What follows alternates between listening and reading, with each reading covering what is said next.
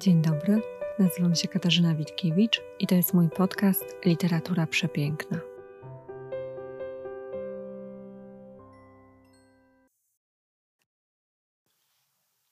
Kilka dni temu byłam w księgarni, takiej małej księgarni z wejściem od ulicy, i tam usłyszałam, jak mężczyzna w średnim wieku prosi panią sprzedawczynię o pomoc. On jej powiedział, że żona wysłała go po książkę. On nie pamięta dokładnie, co to była za książka, ale miała w tytule słowo czułość i miała na okładce kwiaty. Pani sprzedawczyni popatrzyła na niego. Ona była starsza i ode mnie, i od niego, i podała mu dwie książki. Jedną z nich była książka Czuły narrator Olgi Tokarczuk, a drugą Czuła przewodniczka Natalii de Barbaro. Obie książki były z czułością, obie z kwiatkami, więc się zgadzało. I on na to popatrzył, na te dwie książki. Widać było, że zupełnie się nie spodziewał takiego obrotu spraw. Próbował dzwonić do tej żony, ona chyba nie odbierała. I w końcu znowu wrócił do tej pani. Powiedział jej, że żona nie odbiera, żeby pani jednak powiedziała, która jest lepsza. I sprzedawczyni wzruszyła ramionami i powiedziała coś, co bardzo mi się podobało. Wie pan co? One obie są siebie warte. Pan bierze tę cieńszą, bo dzisiaj jest w promocji. Ja stamtąd wyszłam i śmiałam się z tego chyba z dwa dni, że obie są siebie warte. I pomyślałam, że właściwie to trochę tak. I zaraz powiem, dlaczego taka myśl w ogóle przyszła mi do głowy. Kiedy nagrywałam podcast o książce Dom Dzienny, Dom Nocny Olgi Tokarczuk, to powiedziałam, że jest to jedna z moich trzech ulubionych książek naszej noblistki, obok właśnie Domu Dziennego i obok Biegunów. I rzeczywiście tak jest, nie wycofuję się z tego, bo z tymi esejami jest tak, że ja je bardzo cenię z wielu względów i naprawdę lubię ten tom. On mi przypomina o tym, jak bardzo byłam dumna, kiedy ogłoszono, że to właśnie pani Olga dostanie nagrodę. Uważam zresztą, że to jest wspaniałe, że mamy noblistkę, że znowu po tylu latach Nagroda Nobla, czyli to wielkie wyróżnienie trafiło do Polski, do polskiej pisarki ale ani ta duma, ani ten sentymentalny powrót do tamtego wieczoru nie przeszkadza mi zupełnie w tym, aby krytycznie się przyjrzeć rzeczywistej wartości tej książki. I tak jak Dom Dzienny jest dla mnie cały czas książką wybitną, uzasadniałam to zresztą dość obszernie, tak czuły narrator jest szalenie nierówny. I oczywiście cieszę się, że on w ogóle został wydany, że nie mieliśmy powtórki z Szymborskiej, która po otrzymaniu Nobla przez bardzo długi czas nie była w stanie napisać żadnego wiersza. I traktuję to właśnie jako taką miłą pamiątkę, przenoszącą mnie w czasie do noblowskiego wykładu, ale tak szczerze mówiąc, to ten esej noblowski naprawdę uważam za olśniewający. Eseje o tym, jak wygląda warsztat pisarki, są dla mnie ciekawe, bo po prostu mnie to ciekawi i ja lubię takie rzeczy. Ale na przykład pierwszy esej, esej otwierający tom, uważam za taki dość upiorny, albo może nie tyle upiorny, co przedziwny i dość przypadkowy. I kiedy myślałam o tym odcinku i zaczęłam się do niego przygotowywać, to wpisałam do wyszukiwarki hasło czuły narrator recenzja. I wśród recenzji, które pojawiały mi się jako pierwsze, znalazłam taką, która miała takie zdania. Każdy z tych dwunastu tekstów to małe arcydzieło, Definicją arcydzieła jest dla mnie fakt, że nie można usunąć z niego żadnej części, nawet pojedynczego słowa, bo sprawi to, że poczujemy brak tego elementu. Oczywiście każdy z esejów spełnia tę zasadę. Koniec cytatu. No i proszę. Tutaj pan recenzent napisał, że nie można usunąć żadnej części z eseju, więc ja teraz podejmuję wyzwanie i zaraz sobie poskreślamy. I zaglądam właśnie do tego pierwszego eseju, o którym wspomniałam, pod tytułem Ognozja. I tu na przykład mamy taki fragment zatytułowany Dziwne lato 2020. To jest esej pandemiczny. Tokarczuk pisze tak. Zwykle wielkie zmiany następowały po kataklizmach i wojnach. Podobno ludziom tuż przed I wojną światową towarzyszyło poczucie, że to koniec jakiegoś etapu, jakiegoś świata. Dla wielu ówczesna sytuacja wydawała się nie do zniesienia, choć nie do końca sobie to uświadamiali. I potem ona jeszcze pisze i pisze, i na koniec jest takie zdanie: Cały porządek ich świata miał wkrótce zsunąć się w przepaść, obyśmy nigdy nie powtórzyli tego błędu. Gdy ja to przeczytałam, to pomyślałam, że to jakiś wypadek przy pracy. Obyśmy nie powtórzyli tego błędu? To takie jak skazania wyrwane. Więc tu proszę bardzo, skreślamy po raz pierwszy. Idźmy dalej. Na następnej stronie mamy taki kwiatek. Niezaprzeczalnie czarnym łabędziem okazała się pandemia, której, jak to z czarnym łabędziem bywa, nikt się nie spodziewał, a która zmienia wszystko. No i znów zmienia wszystko. Co to w ogóle jest za frazes? Takie zdania w takim bardzo patetycznym, dydaktycznym, moralizatorskim tonie sprawiają, że po prostu nie chce się czytać dalej tego eseju i on przestaje być ciekawy i wygląda jakbyśmy czytali naprawdę kazanie księdza skargi. O, jeszcze tutaj mam taki kwiatek, to też przeczytam. Nasze i poprzednie pokolenia trenowały się w mówieniu światu tak, tak, tak. Powtarzaliśmy sobie, spróbuję tego i jeszcze tego, pojadę tam i potem tam, doświadczę tego i tamtego. Teraz u naszego boku pojawia się generacja, która rozumie, że najbardziej ludzkim i etycznym wyborem w tej nowej sytuacji jest trening w mówieniu nie. Nie, nie, nie. Zrezygnuję z tego i tamtego. Ograniczę to i to. Nie potrzebuję, nie chcę, odpuszczę. I ten akapit wykreśliłabym absolutnie w całości, bo ja w ogóle go nie rozumiem. Takim sensie nie rozumiem, że nie wiem, jak można poczynić tego typu spostrzeżenia, które wydają mi się jakieś takie dość chybione i takie nieprzystające do tego, w jaki sposób Tokarczuk do tej pory formułowała swoje myśli, bo ona unikała tego typu jednoznacznych sądów, także dlatego, że takie jednoznaczne sądy mogą nie przetrwać próby czasu. Ja oczywiście nie chcę się teraz znęcać nad tym tomem, bo cokolwiek tam się wydarzyło na początku, a wiemy chyba wszyscy, co się wydarzyło, czyli po prostu wydarzył się pośpiech spowodowany koniecznością wydania tomu. Było wtedy wiadomo, że Olga Tokarczuk nie ma ukończonej powieści, że nad czymś pracuje, ale to jest nieskończone. Część z tych esejów, które zostały opublikowane, już miała w szufladzie, część była pewnie dopisywana, tak samo jak ten esej pandemiczny. I tak szczerze mówiąc, gdyby wykreślić ten esej, i jeszcze kilka akapitów po drodze w innych esejach, to ten tom byłby naprawdę świetnym tomem w całości. Świetnym esejem jest na przykład esej o pracy tłumacza, który nosi tytuł Praca Hermesa, czyli jak tłumacze codziennie ratują świat. To jest taki esej o tym, że pomiędzy czytelnikiem a autorem obcej powieści zawsze jest tłumacz, który czasem potrafi sprawić, że książka, którą czytamy, jest lepsza w języku naszym niż w tym języku oryginalnym. W tym eseju jest bardzo dużo pięknych porównań i jest właśnie to, za co ja najbardziej lubię Olga Tokarczuk, czyli za taką umiejętność ubierania w słowa rzeczy, które niby gdzieś tam wiemy albo przeczuwamy ich obecność instynktownie, ale sami byśmy na nie nie wpadli. Przepiękny jest ten esej. Przeczytam taki jeden króciutki akapit, żeby nie zostawić nas z takim poczuciem rozczarowania. Ten fragment będzie nawiązywał do sytuacji, w której Olga Tokarczuk rozmawiała ze swoją znajomą, francuską pisarką, o książkach, do których obie wracają i właśnie Olga Tokarczuk wspomniała, że są to próby, a tamta francuska pisarka była tym bardzo zdziwiona, bo okazało się, że te próby w języku polskim brzmią zapewne lepiej i bardziej aktualnie. I Olga Tokarczuk pisze: Oto słowa zestarzały się i tłumacz je odmładza, na starych pędach wyrastają nowe.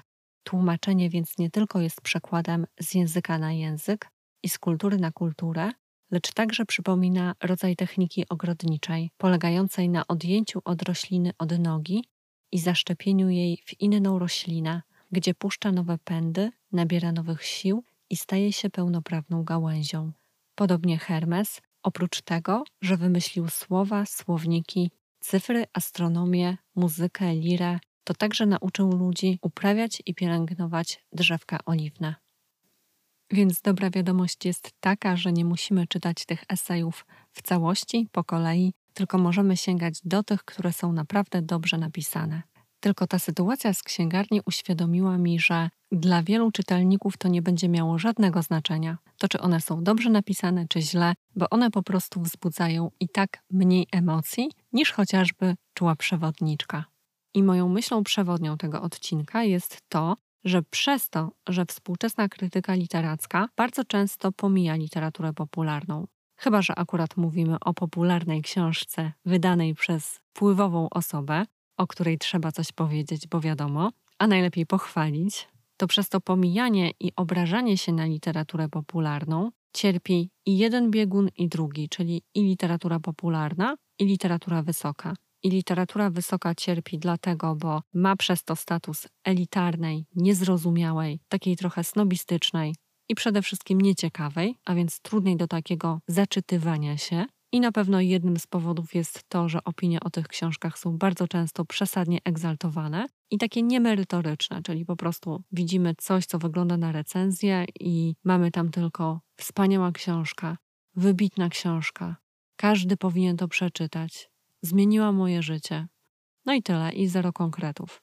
No to po takiej zachęcie bierzemy tę książkę. Nie wiemy w ogóle, co z nią zrobić, bo ona się okazuje jakaś taka trudna i dziwna, więc mamy prawo czuć się z tym źle. I odrzucamy to. I następnym razem, gdy widzimy tego typu polecenie, to już wiemy, że oho, nawet nie ma co tam patrzeć. Są też oczywiście świetne recenzje zawodowych krytyków, ale je czyta 20 osób zainteresowanych tematem i tyle. Może czytałoby je więcej, gdyby ci sami krytycy pisali od czasu do czasu o literaturze popularnej, bo ona jest pomijana, bo od lat nie wiadomo, co z nią właściwie zrobić. To jest taka brzydsza siostra. No bo jak pisać o książkach fantastycznych, porządnych magazynach krytyczno-literackich? To oczywiście jest pytanie retoryczne. A tymczasem, jeśli się tak wnikliwie przyjrzymy, to okazuje się, że to właśnie fantazy najczęściej podejmuje istotne problemy społeczne. Literatura wysoka mnoży takie oderwane od rzeczywistości eksperymenty literackie, a literatura popularna pokazuje nam to, czego pragniemy i opowiada nam świat. I tym właśnie wygrywa, wzbudzaniem emocji. Te podziały są zresztą takie dość płynne, bo mamy literaturę wysoką, która wymaga przygotowania czytelniczego i takiej pewnej wiedzy kulturowej, a więc, aby przeczytać i w pełni zrozumieć książkę i odkryć wszystkie ukryte tam znaczenia, konteksty, ścieżki, jakie autor nam zostawił i jakimi autor podążał, musimy po prostu mieć jakąś wiedzę. I obok tego mamy całą resztę. Ale ta reszta jest bardzo niejednorodna.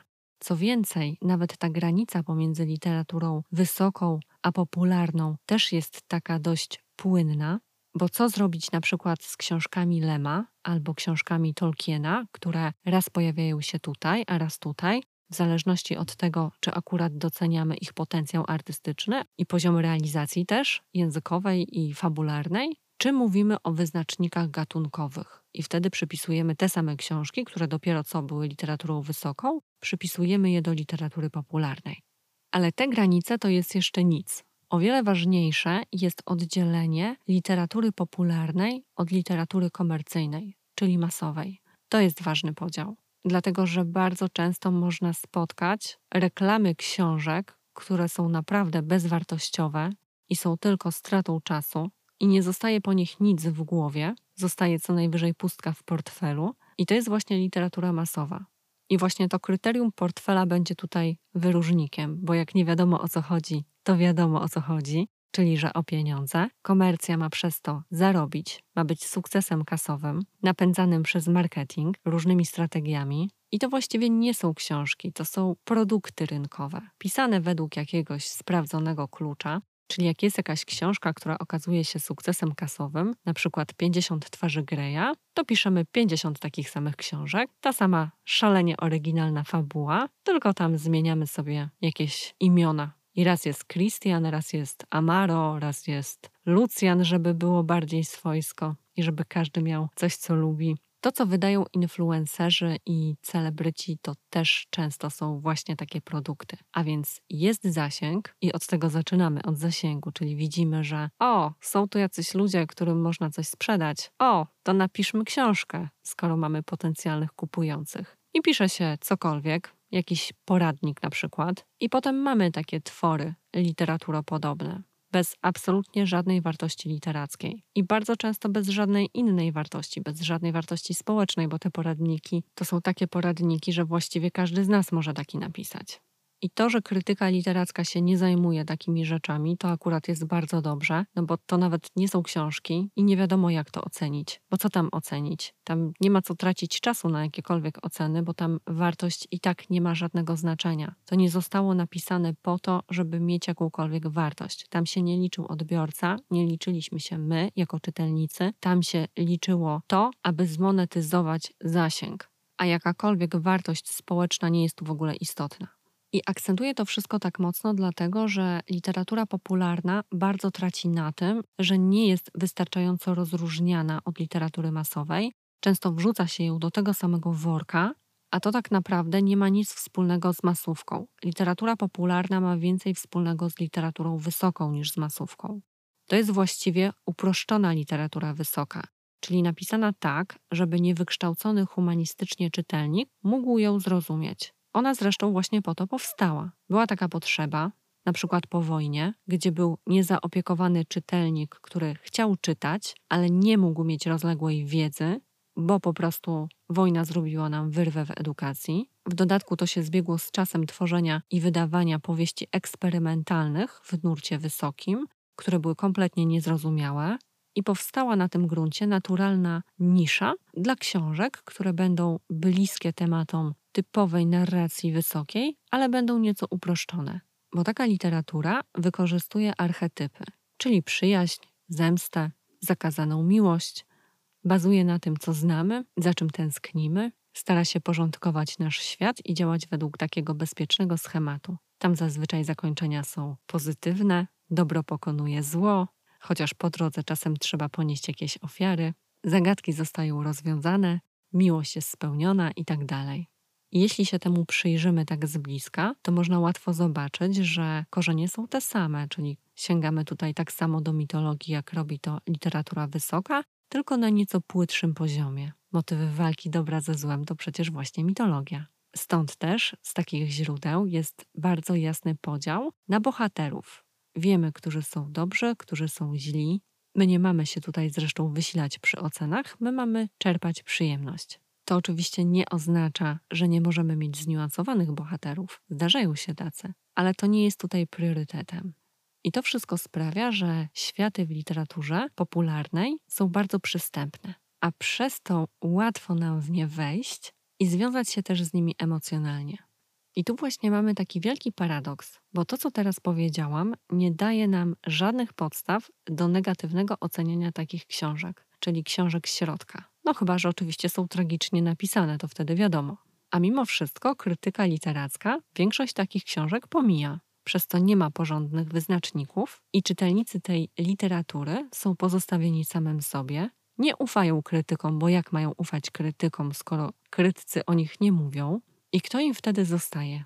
Zostają influencerzy, zostaje reklama, zostają takie polecenia przypadkowe osób, które się kompletnie nie znają na literaturze, i przez to tacy czytelnicy raz trafiają na coś, co jest świetne w swoim gatunku, a raz na zupełne gnioty i nie są w stanie zrobić żadnego progresu.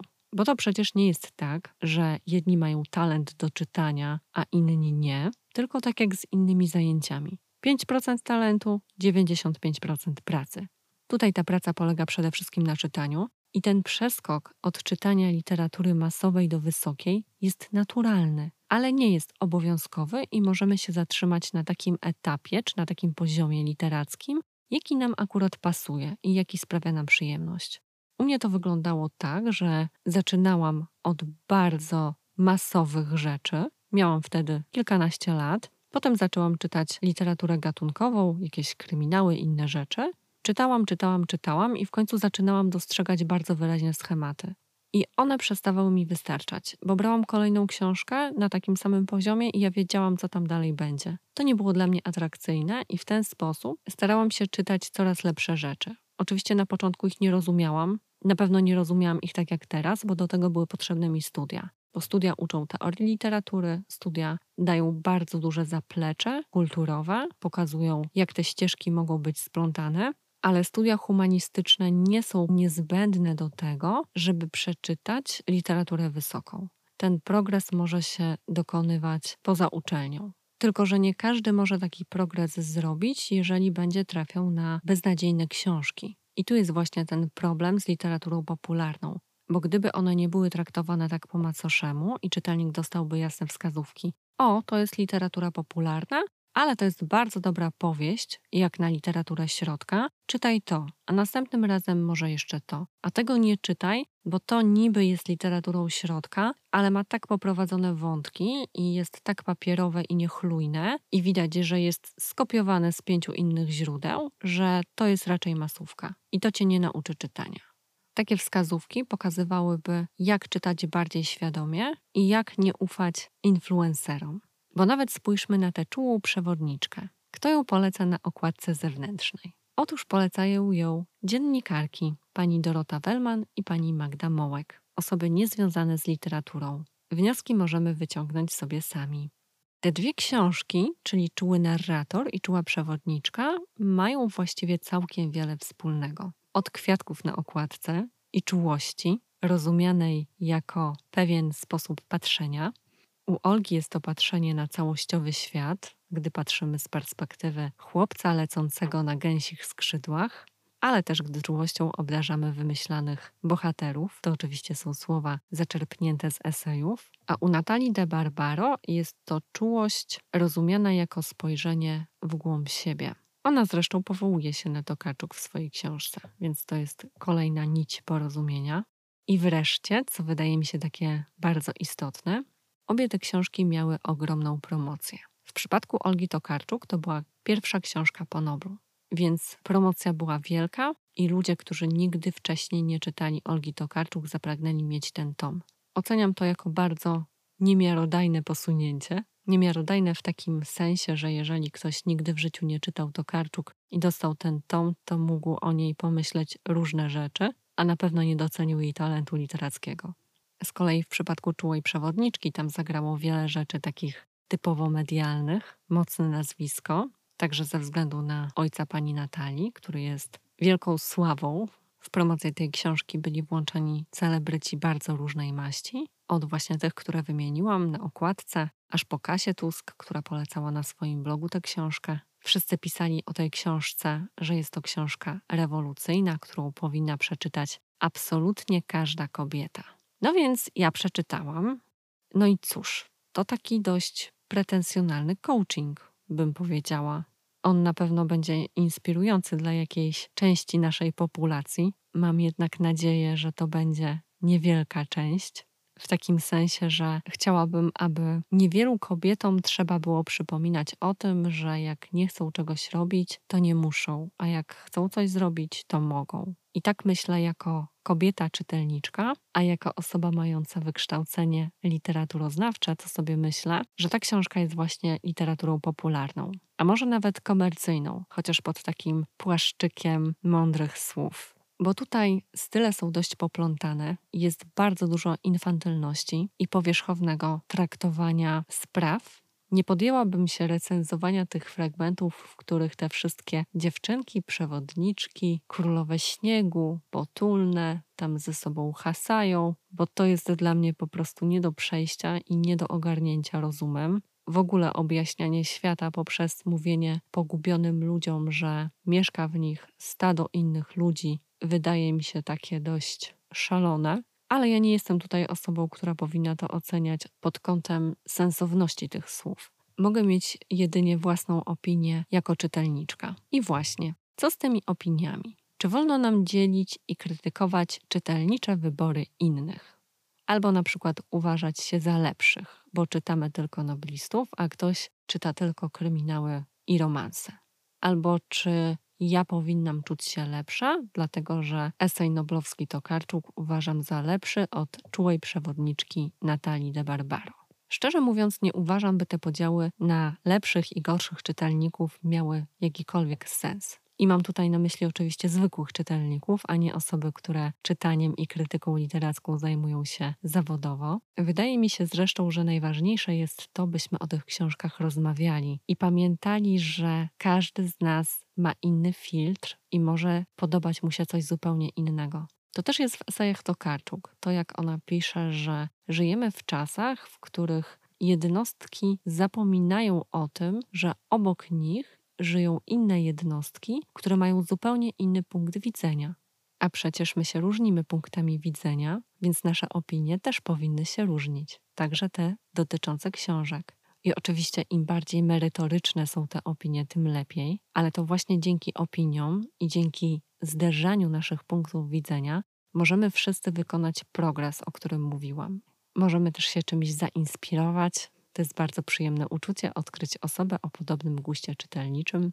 To też znacznie skraca drogę do znalezienia idealnych książek, bo przecież wszyscy mamy skończoną liczbę książek, którą jesteśmy w stanie przeczytać w życiu, więc warto tutaj wybierać mądrze i kierować się naszymi własnymi potrzebami i kryteriami. Ja uwielbiałam rozmawiać o książkach z moją babcią.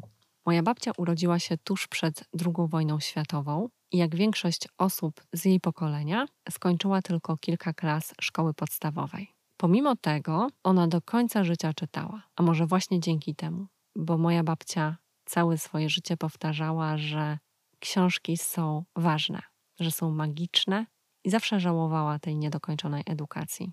I jej ostatnie dyspozycje, takie wydawane już ze szpitalnego łóżka, gdy już wiedziała, że nie wróci do domu, dotyczyły między innymi tego, żeby moja mama, która z nią mieszkała, dokończyła książkę. Babcia wyjeżdżając do szpitala zostawiła otwartą książkę, w połowie przeczytaną i poprosiła moją mamę, żeby mama ją dokończyła, bo to było dla niej bardzo ważne, żeby ta książka nie została taka zapomniana, tylko żeby ktoś się nią zaopiekował i doczytał. I wspominam tę moją babcię także dlatego w tej chwili, bo jeśli chodzi o wykształcenie literackie, to nas dzieliła przepaść. Ale zawsze byłam bardzo ciekawa tego, co babcia mi powie o jakiejś książce. Wiele takich książek czytałam dla niej, a więc czytałam książki zupełnie niepasujące do moich preferencji czytelniczych. Czytałam je po to, żeby móc później z babcią o nich rozmawiać. I gdy myślę o roli literatury, to właśnie tak widzę jej najpiękniejszą rolę, a więc łączenie różnych osób z różnych pokoleń w takim wspólnym dialogu.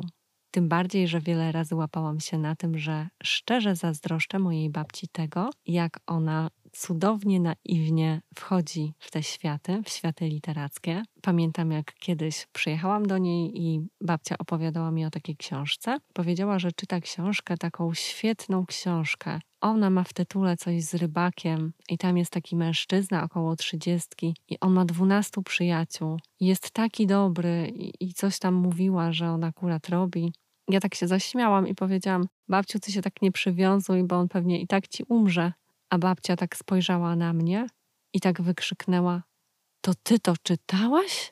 I ja pomyślałam sobie, że to jest takie nieprawdopodobne, że babcia mogła tego nie skojarzyć, tej typowej historii. Trzydziestolatka z dwunastoma apostołami nad jakimś morzem, tylko ona po prostu czytała to, jakby to była zupełnie inna historia, która mogłaby się inaczej potoczyć. A ja widziałabym w tym od razu schemat i od razu bym to skreśliła. I z taką myślą dzisiaj Państwa zostawiam, z tym moim pięknym wspomnieniem. Mam nadzieję, że też Państwo macie takie osoby, które Was zachęcają do zmiany perspektywy i do przyjęcia zupełnie innego punktu widzenia. Bardzo Państwu dziękuję za wysłuchanie tego odcinka, a w kolejnym przyjrzę się z bliska jakiejś powieści z literatury środka, czyli właśnie literaturze popularnej. Postaram się podejść do niej bez żadnych uprzedzeń, i rzucić trochę nowego światła na to, jak to czytać. Może to komuś pomoże i będzie dla kogoś inspirujące. Dziękuję Państwu i do usłyszenia.